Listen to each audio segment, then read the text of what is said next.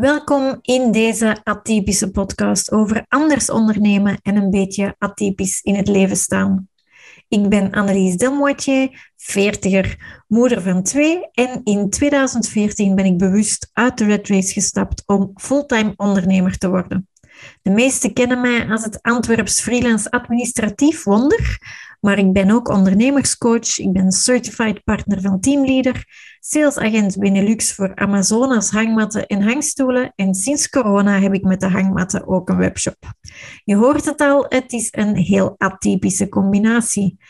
In deze podcast laat ik graag andere atypische ondernemers aan het woord waarmee ik mij de laatste jaren als ondernemer omringd heb. Zij werken ook anders hard en met hen heb ik heel inspirerende gesprekken. Ik maak ook af en toe een Ask Annelies Anything aflevering. Dus heb je een vraag voor me, stuur die gerust door en dan beantwoord ik die in die speciale aflevering. Veel luisterplezier met deze aflevering. Goedemorgen, goedemiddag, goedenavond. Wanneer jullie weer luisteren naar een aflevering van de Atypische Podcast. En vandaag uh, heb ik Hanne Luiten in huis gehaald, is te zeggen via de Zoom, uh, lang leven de technologie. Uh, Hanne was genomineerd door Kelly, ook een schrijfster, blogster. Hanne, voor degenen die jou niet zouden kennen, stel jezelf eventjes voor.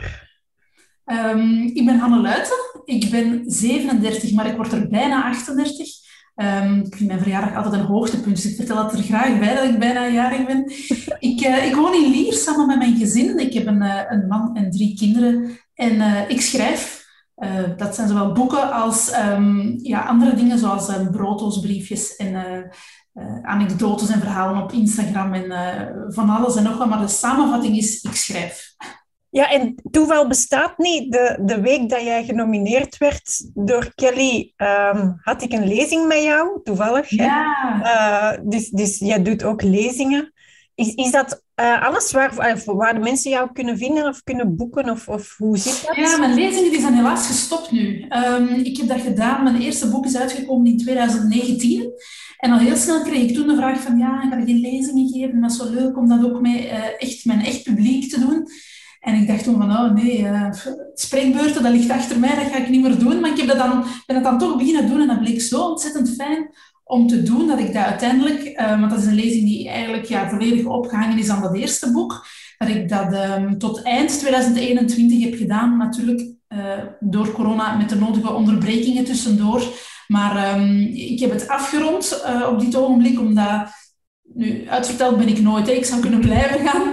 Um, maar ik moest voor mezelf dat even afronden, dat project. Gewoon om um, terug wat meer vrijheid te krijgen in mijn hoofd. Om te zien van, ja, wat kan er nog? Um, waar kan ik nog, nog, andere verhalen vertellen? Nu, ik zeg nooit nooit. Misschien pik ik het wel weer op. Maar voorlopig is het, uh, het lezinghoofdstuk even afgesloten. Ik ben toch blij dat ik dat dan nog, uh, nog meegemaakt heb. Dat is altijd leuk, ja. hè? ja, ja.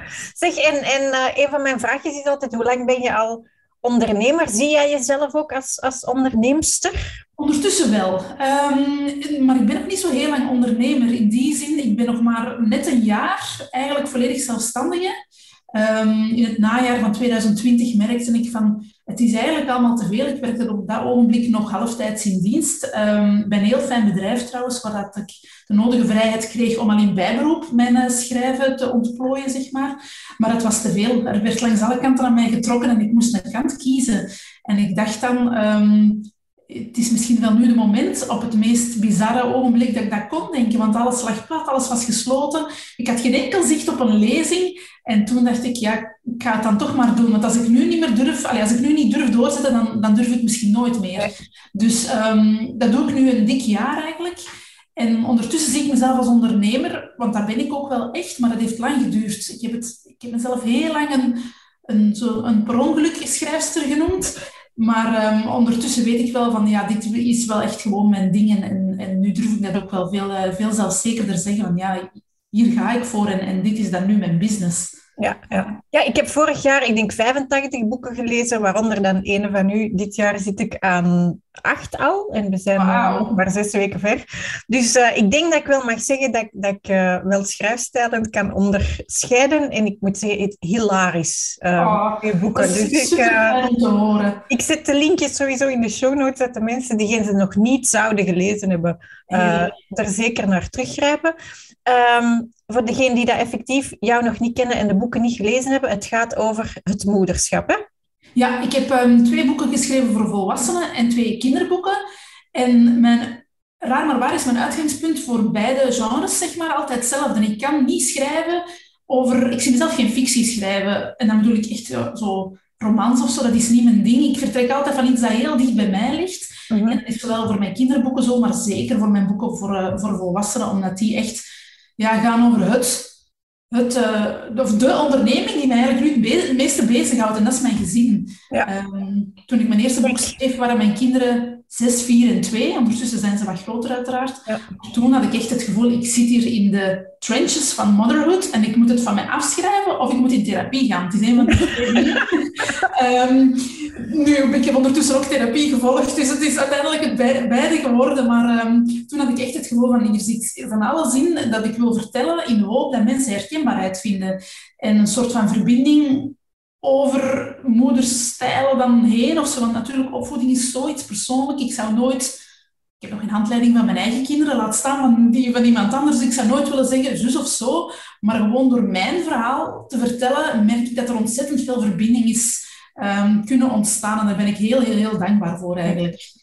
Ja, want, want eh, ik was dan um, halverwege ons moeder. En zeker als ik jouw moeder haar kant dan lees, van, van bijvoorbeeld dezelfde anekdotes die jij dan eerst vertelt. Um, het, het moederschap is echt een ondernemerschap op zich. Hè? Eigenlijk combineren we twee ondernemingen. Hè? Ja, absoluut. En eh, ze zijn ook niet af te scheiden van elkaar. Of bij mij toch niet. Dat loopt helemaal in elkaar door. Um, dat was voor corona. Dat is door corona nog meer geworden, uiteraard.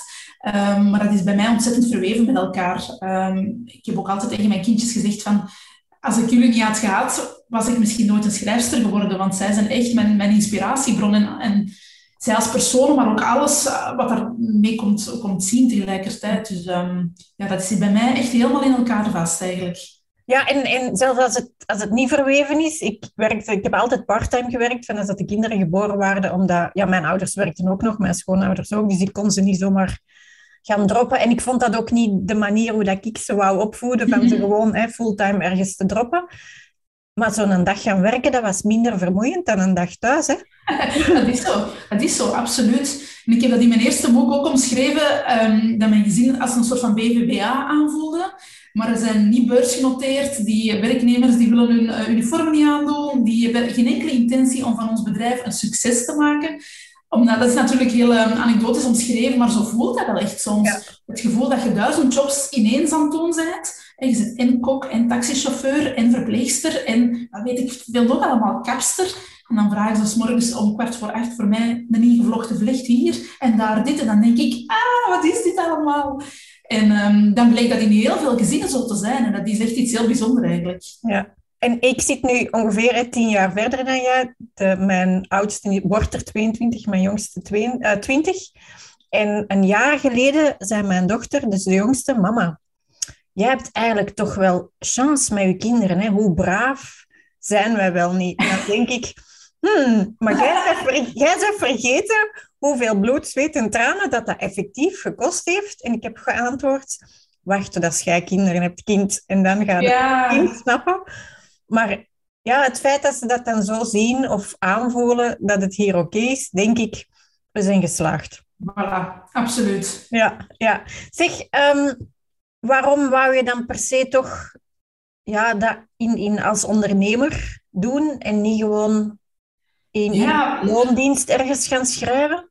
Eerst was dat heel, vooral een praktisch gegeven voor mij, om die keuze dan te maken om toch te gaan voor de onderneming, omdat ik voelde van ja, ik kan uh, niet 100% mijn ding doen op mijn werk en niet 100% mijn ding doen met mijn schrijfwerk.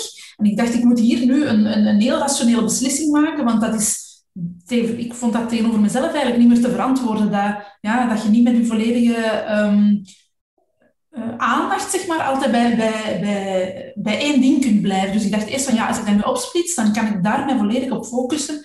Ehm, dus dat was de eerste stap voor mij. En daarnaast voelde ik van ja, er valt hier zoveel te vertellen en zoveel te schrijven. En dat publiek is zo ontzettend warm en dankbaar. Ik ben daar um, van geschrokken eigenlijk. Ik had dat niet verwacht dat dat zo zou gaan zijn. En dat motiveert natuurlijk wel om, om te blijven gaan en om te kijken van ja, wat kan ik hier nog betekenen voor, voor, voor ouders, maar ook voor kinderen. En dan ging er plots een hele wereld aan ideeën voor mij open toen ik tijd had om mij daar volledig in te smijten. En dat was, um, dat was heel bijzonder om dan zo te kunnen heel stelselmatig maar zien van ja, wat kan ik hier nog en wat ligt mij wel en wat ligt mij niet. En dat voelt allemaal heel um, vloeiend aan op een of andere manier. En, en dat is wel leuk.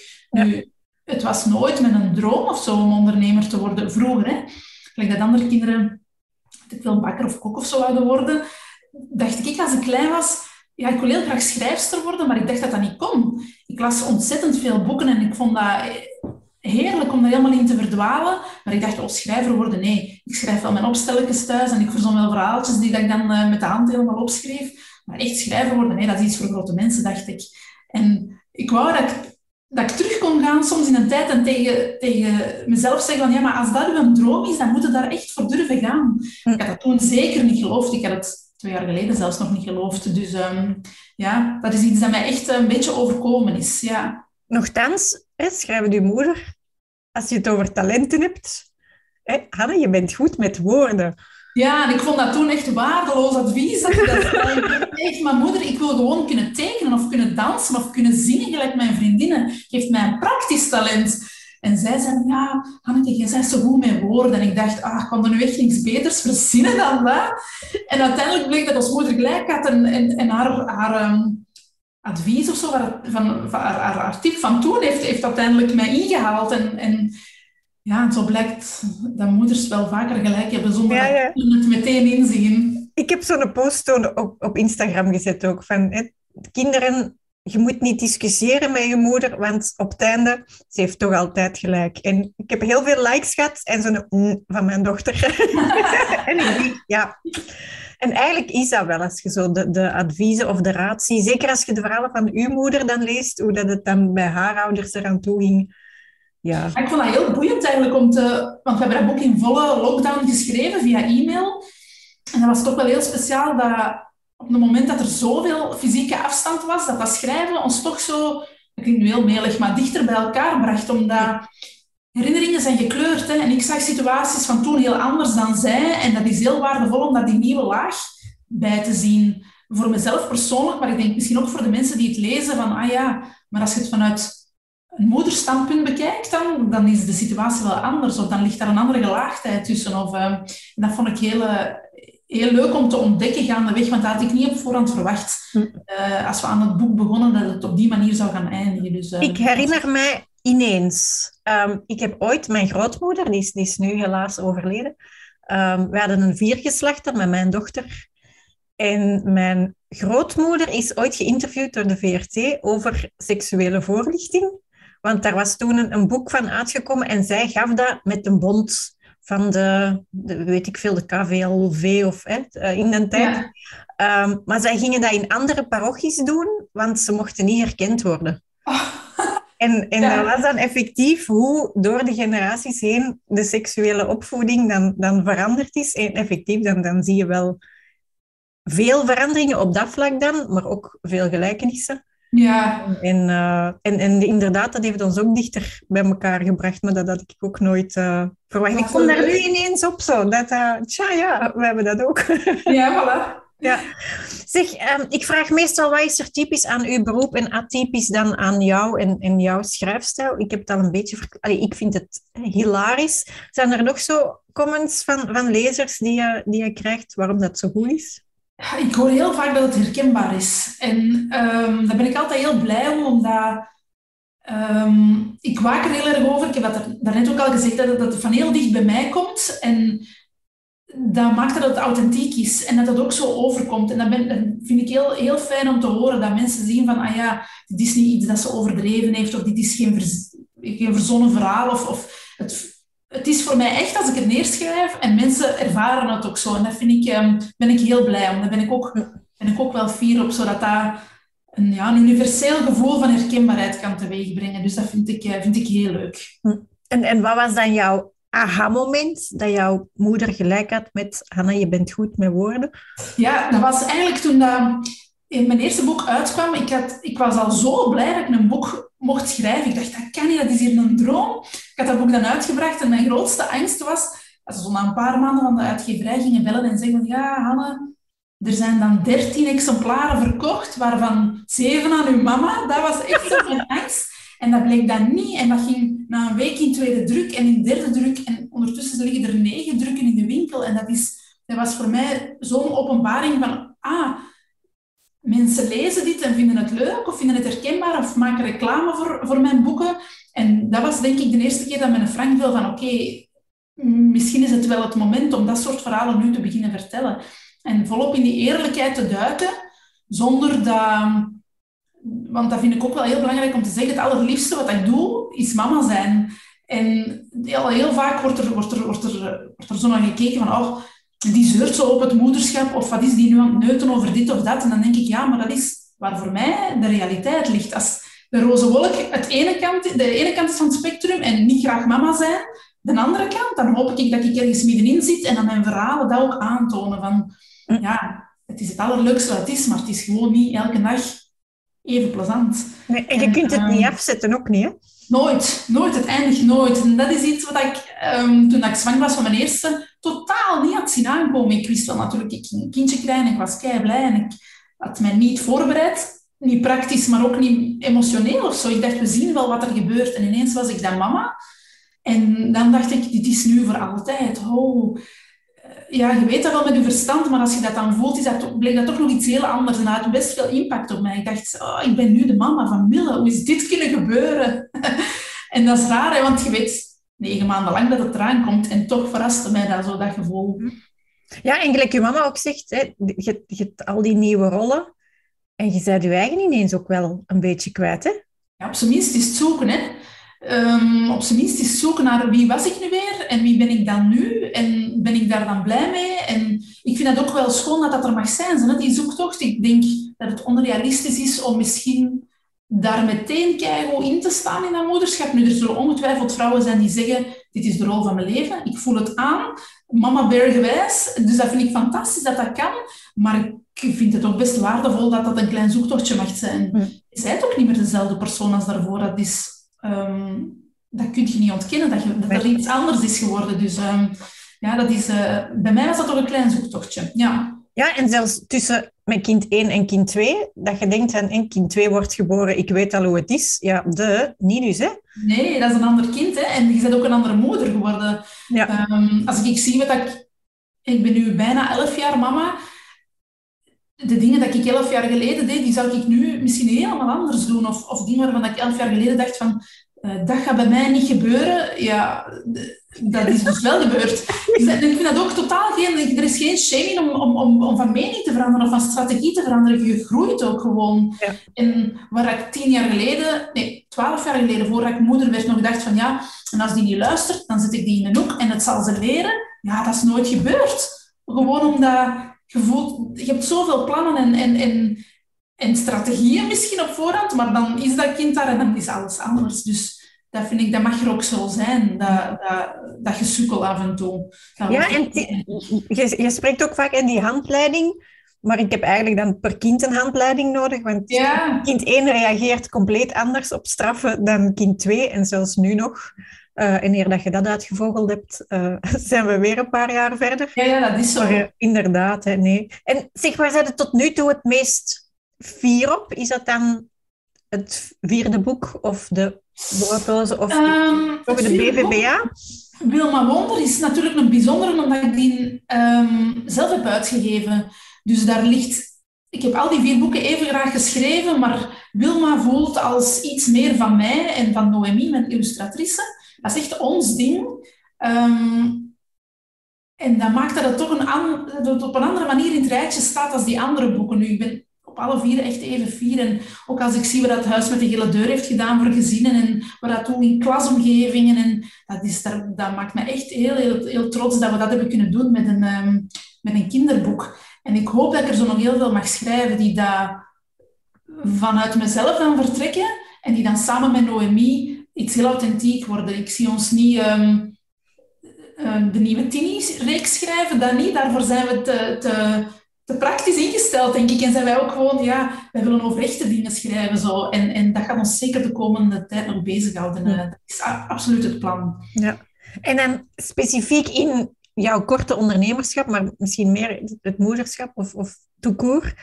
Wat is tot nu toe jouw grootste fuck-up geweest? Zo de meest negatieve ervaring en wat heb je daaruit geleerd? Ja, dat is iets heel recent. Hè. We zijn bezig met een nieuw project rond Wilma Wonder. Ik kan nog niet zeggen wat het is, maar dat was helemaal klaar. En op de allerlaatste moment bevalt Noemi haar gelukkig en zegt hij, zeg, moeten we eens niet checken of dat daar van die veiligheidslabels op moeten?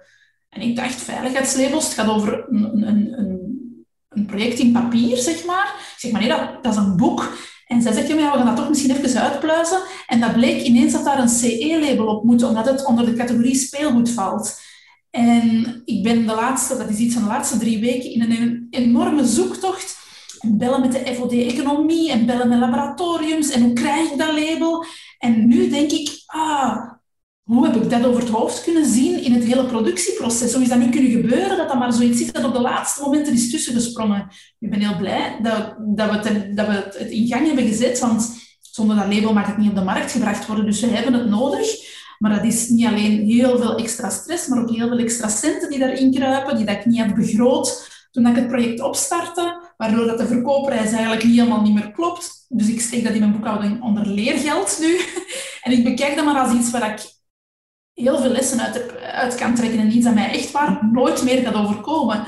Voordat ik nog iets nieuws bedenk, check ik eerst welke labels moeten daarop, hoeveel kost dat, hoe lang duurt dat en hoe kunnen we dat zo efficiënt mogelijk aanpakken. Dus dat is een leerschool van de laatste drie weken die uh, zeer waardevolle uh, informatie heeft gebracht. En ik hoop dat we morgen horen of het label er komt of niet. Dus uh, het is een hele spannende week. Ja, ik, ik doe ook niet één ding. Ik ben ondertussen met vier bedrijfstakken bezig en ik ga minstens één keer per jaar naar mijn makelaar en dan twee keer per jaar naar de boekhouder. Van hoe moet dat effectief begroot worden en waar steken we dat? En moet ik, ik verzekerd zijn? En dan zie je mijn makelaar zo met zijn ogen draaien van, maar wat komt ze nu weer af? En dan denk ik, ja, maar die hangmatten ook. Hè? Iemand ja. dat op en dat breekt af. Of, ja, wat doe je daar dan mee? Hè? Dus... Ja, ja. Ja, ja, je hebt daar absoluut een verantwoordelijkheid. Want ook met dat nieuw project, er zitten geen kleine onderdelen aan.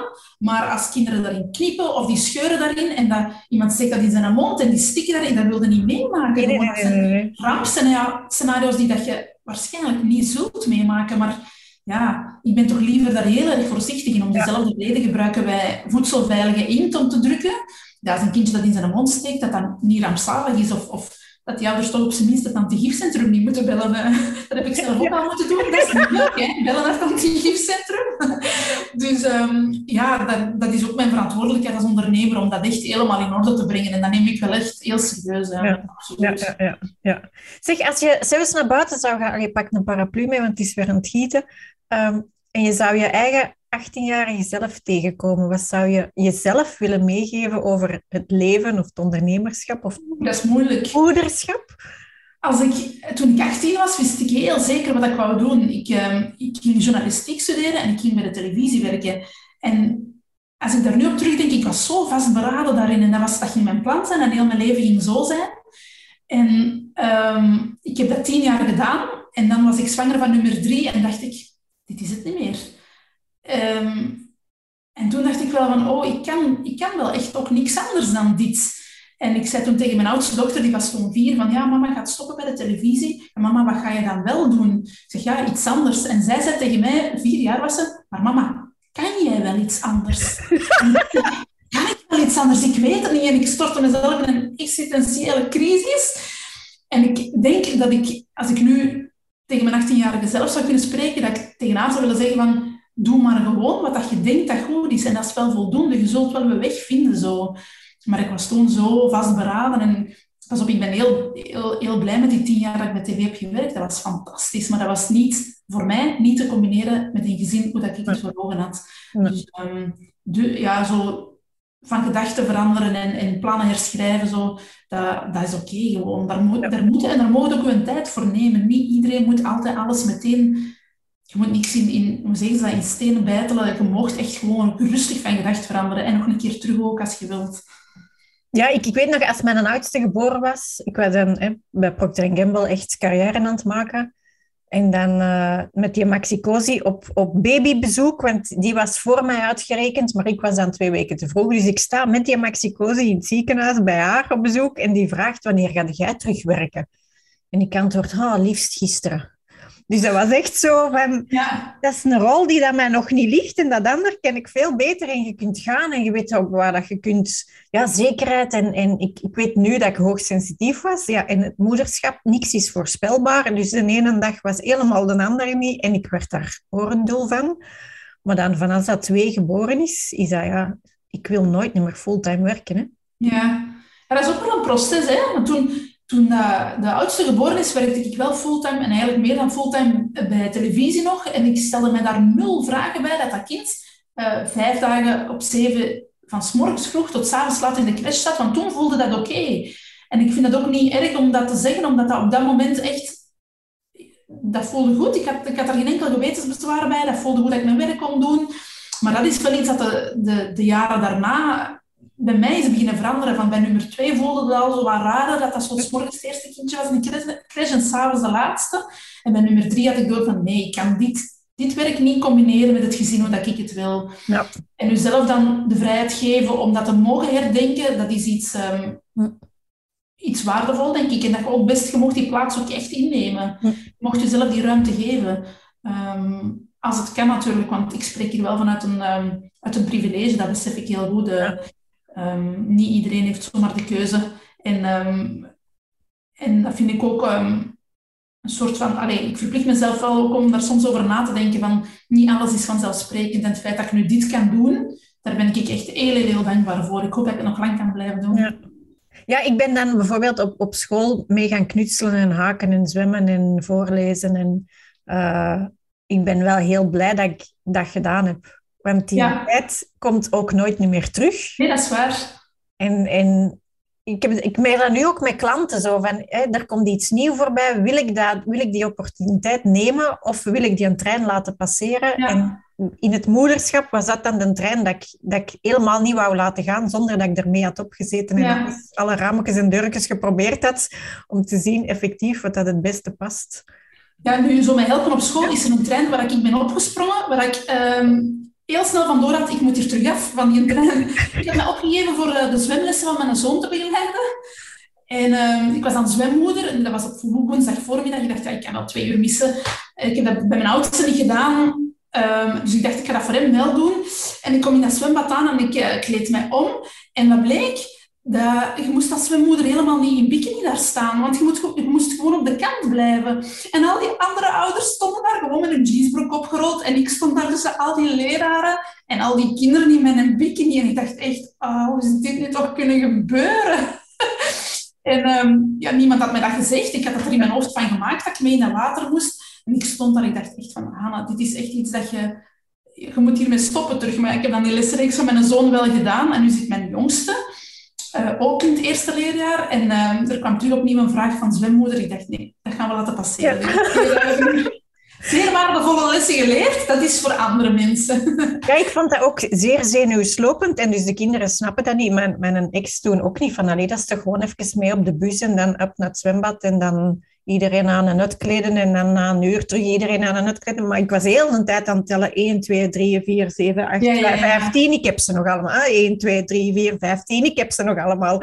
Ja, ja die verantwoordelijkheid is, is enorm dat je, dat je oppakt. Hè? Ja, ja, bij ons was dat meer omdat bij ons is um, de school vlak bij het zwembad, dus die kwamen te voet. En dat was eigenlijk allemaal heel op het gemakste. En die juffen waren kei oké. Okay. Maar ik had er in mijn kop iets anders van gemaakt. En ineens stond ik dan in mijn bikini. En dat was ook niet de meest was geen sportbikini of zo. Dit was echt zo'n zo'n ja, zo'n strandbikini. En ik dacht echt, oh, dit heb ik fout aangepakt. Ja. En dan dacht ik, ja, ik kan mezelf nog pakken. Ik kan echt nuttig zijn in de kleedkamers door al die kinderen te helpen aankleden. Maar zo'n hoop zevenjarigen, die hebben hun zwembroek nog aan en die doen ook al hun sokken aan. En dat was enig chaos. En ik dacht echt, nee, nee, nee. we moeten wegblijven van het jufgegeven. Dat is duidelijk niet mijn, ehm, mijn uh, sterkste kant. Dus uh, voilà, les geleerd. Ja, ja, ja, les geleerd. Zeg, Hanna, uh, over boeken en, en zo gesproken. Ik had daar juist al gezegd, ik heb er vorig jaar 85 gelezen.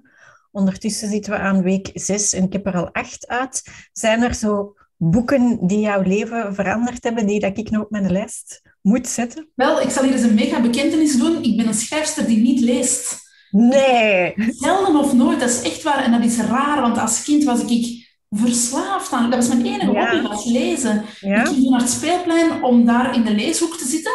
En toen ik alle boeken had gelezen, wou ik niet meer gaan naar dat speelplein, want alle boeken waren op en ik ben dat compleet kwijtgeraakt aan lezen. Nu, ik lees wel pakt één of twee boeken per jaar, maar uh, ja, dat is iets dat er bij mij uit is gegaan. Nu, ik lees wel heel graag kinderboeken. Dat vind ik um, super, super leuk om te doen en ook om, voor te lezen en zo. Dat vind ik heel fijn. Maar ik denk dat ik zo over ondernemen en over zo meer de zakelijke kant, zit ik veel meer op Instagram te kijken en, en, en, en te luisteren en podcasts te checken van andere mensen die daar um, ondernemen op een manier dat voor mij goed aanvoelt.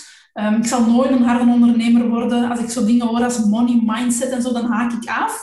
Nu, ik heb wel heel veel bewondering voor mensen die daar wel in duiken, maar dat is gewoon niet iets voor mij. Um, ik onderneem heel erg vanuit een buikgevoel en dat levert allicht niet de beste commerciële keuzes op. Uh, maar voor mij is dat um, bijna de enige manier waarop het kan, denk ik. Want ik, ik ben ook heel slecht met cijfers en zo. En, en, en vanaf dat het die kant op gaat, dan denk ik, nee, dat, dat is niks voor mij meer. Dus ik probeer zo heel... Ja, zo te cherrypicken op Instagram eigenlijk en, en, en, inspiratie op te doen en vooral met heel veel bewondering te luisteren naar hoeveel uh, dappere en, en, en, authentieke ondernemers er zijn in Vlaanderen. En ook jonge mensen die, die echt die, die, die meteen zeggen van ja nee, ik ga nooit voor een baas werken, ik spring, ik doe het zelf. Ik vind dat echt heel, heel knap, echt waar. Ja, Nee, super. Uh, merci voor de eerlijkheid en de authenticiteit. Heel graag gedaan. Uh, ik heb nog een, een, laatste vraagje. Ben jij nog naar iets op zoek? Kunnen wij jou als onderneemster nog met iets helpen? Buiten een, een label. Ja, een CE-label als allereerste. uh, absoluut. Um, ik heb een, alleen Noemi en ik hebben een droom om um, maar dat is echt een droom om popjes te maken van Wilma Wonde, echt knuffeltjes. Maar wij hebben ook, um, of wij hechten heel veel belang aan duurzaamheid en ecologie en aan op de juiste manier produceren. En ik ben al maanden op zoek naar een producent in Europa die dat op de manier kan maken gelijk dat wij willen. Ik heb hem nog niet gevonden. Uh, maar ik blijf zoeken, omdat dat ook iets is waar geen tijdsdruk achter zit. Ik wil niet per se tegen dan die pop in de winkel hebben. Ik wil ze maken alleen als ze mooi is en als ze op een manier is gemaakt die dat wij belangrijk vinden. Dus um, moest er iemand dit horen en die zegt van kijk, daar zit een prachtige Europese fabrikant die dat ecologische um, popjes maakt die mooi zijn, dan mogen ze mij bellen. Nee, niet bellen. Ik haat bellen. Nee, uh, een berichtje sturen op Instagram of een mail sturen. Liefst nooit bellen. ja, ik zet uh, alle linkjes sowieso in de show notes, dus dan, dan kunnen ze jou vinden. Hanne, merci dat wij jou vandaag beter mochten leren kennen. En dan de aller, allerlaatste vraag. Heb jij nog een atypische onderneemster in jouw netwerk die je zou willen nomineren voor de podcast? Absoluut. De, niet minder dan de allerliefste Uwe Porters. Ook een schrijfster, maar ook een vroedvrouw. En zij doet op Instagram op dit ogenblik heel bijzondere dingen, heel waardevolle dingen voor um, vrouwen. En dat gaat heel breed van intimiteit um, tot effectief um, bevallings... Uh, ja, hoe moet ik dat nu omschrijven? Verhalen. Die heeft ze natuurlijk in haar boeken geschreven, maar ja, het gaat dan ook meer over het emotionele en over vrouwen zelf. En zij heeft een enorme kennis, professioneel, maar daarnaast schrijft zij prachtige verhalen. En zij onderneemt ook vanuit een buikgevoel. Um, en ik ben, uh, ben heel benieuwd om te zien wat zij nog gaat doen de komende jaren. En ik heb daar het volste vertrouwen in dat er alleen maar authentieke, prachtige projecten uit gaan komen. Dus met heel veel plezier nomineer ik uh, uw porters. Ik zet ze mee op het lijstje. Hopelijk aanvaardt ze de challenge. Ja. En wens ik jou nog een, een hele fijne dag. En heel veel plezier met het moederschap en het ondernemerschap. Dankjewel. Merci. Tada. Hoor je me graag bezig en wil je geen aflevering missen? Volg me dan zeker op Spotify of abonneer je via iTunes en laat daar eventueel een review achter. Want hoe meer atypische zielen in de ondernemerswereld, hoe liever volgens mij. Via Checkpot kan je trouwens ook een recensie geven en dat zou ik ongelooflijk fijn vinden. Heb je liever beeld bij deze klank? Abonneer je dan op mijn playlist op het YouTube-kanaal. En de show notes kan je vinden via mijn website www.endless.biz podcast. En endless is heel atypisch met een A van Annelies. Ik kijk alvast uit naar de volgende aflevering. Hopelijk jullie ook. Dag!